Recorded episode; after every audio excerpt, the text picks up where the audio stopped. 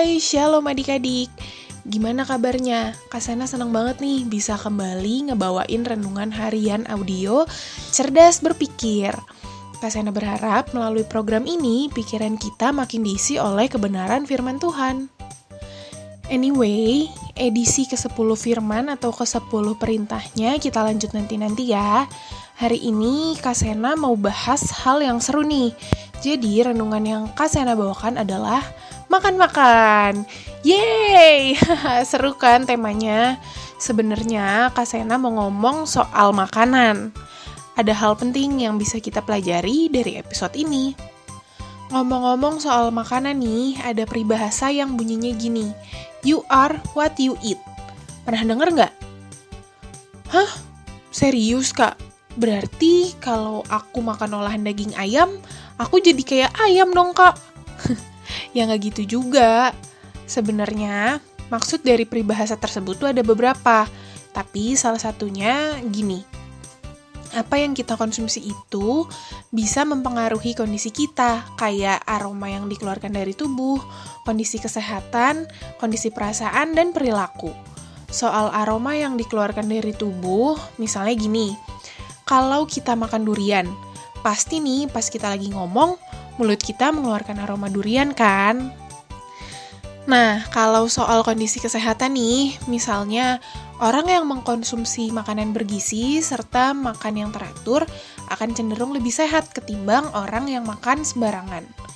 Nah, kalau soal kondisi perasaan, kondisi perasaan itu timbul akibat proses kimia di dalam tubuh. Contohnya nih ya, Katanya sih, perasaan bahagia bisa muncul ketika mengkonsumsi coklat. Kalau Kasena sih ya, perasaan bahagia bisa muncul kalau ada yang beliin coklat. Gak deh, bercanda.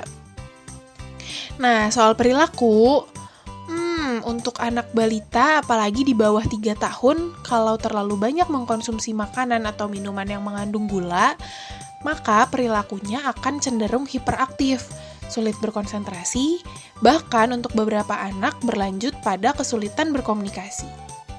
Ya, intinya apa yang kita konsumsi, entah itu makanan ataupun minuman, bisa ngaruh banget sama kondisi kita.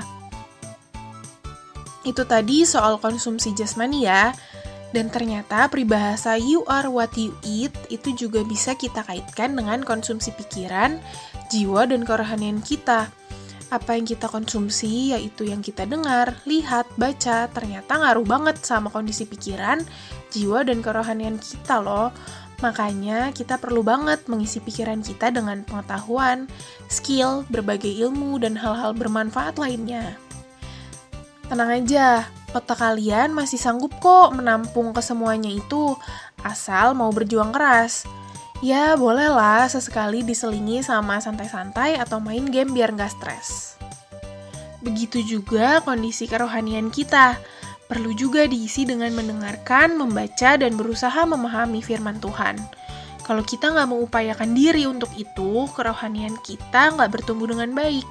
Pengenalan kita akan Tuhan juga nggak bertumbuh dengan baik. Roma 10 ayat 17 bilang gini, Jadi iman timbul dari pendengaran, dan pendengaran oleh firman Kristus. Dan ternyata kondisi hati dan kerohanian kita sangat mempengaruhi tingkah laku kita, termasuk juga perkataan kita.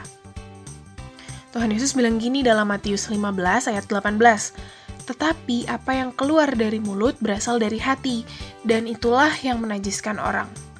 Jadi, kalau di antara kalian masih ada yang suka ngomong kotor, entah itu untuk mengumpat, ungkapan kaget, ataupun yang lainnya, hmm, jangan-jangan kondisi hati, jiwa, dan kerohanian kalian lagi nggak beres. So, ayo kita sama-sama berusaha mengkonsumsi apa yang baik bagi tubuh kita, maupun pikiran, jiwa, dan kerohanian kita. Oke?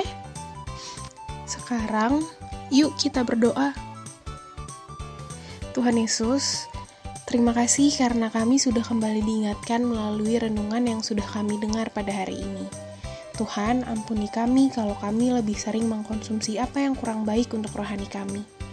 Ampuni kami kalau sering kali kami lebih memilih untuk menonton, membaca, dan melakukan hal-hal yang kurang perlu daripada membaca firman-Mu.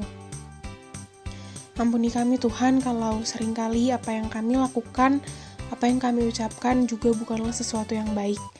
Tuhan, hari ini kami mau kembali memperbaiki sikap kami. Kami mau lebih sering mengkonsumsi hal-hal yang baik bagi jiwa dan roh kami. Agar apa yang keluar dari hati kami semuanya adalah hal-hal yang baik dan berkenan di hadapan-Mu.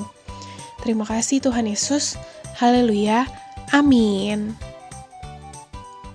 Oke, sekian dulu ya dari Kasena. Tetap sehat, tetap semangat, dan tetap jadi berkat. Jangan lupa bahagia ya. Tuhan Yesus memberkati. Dadah!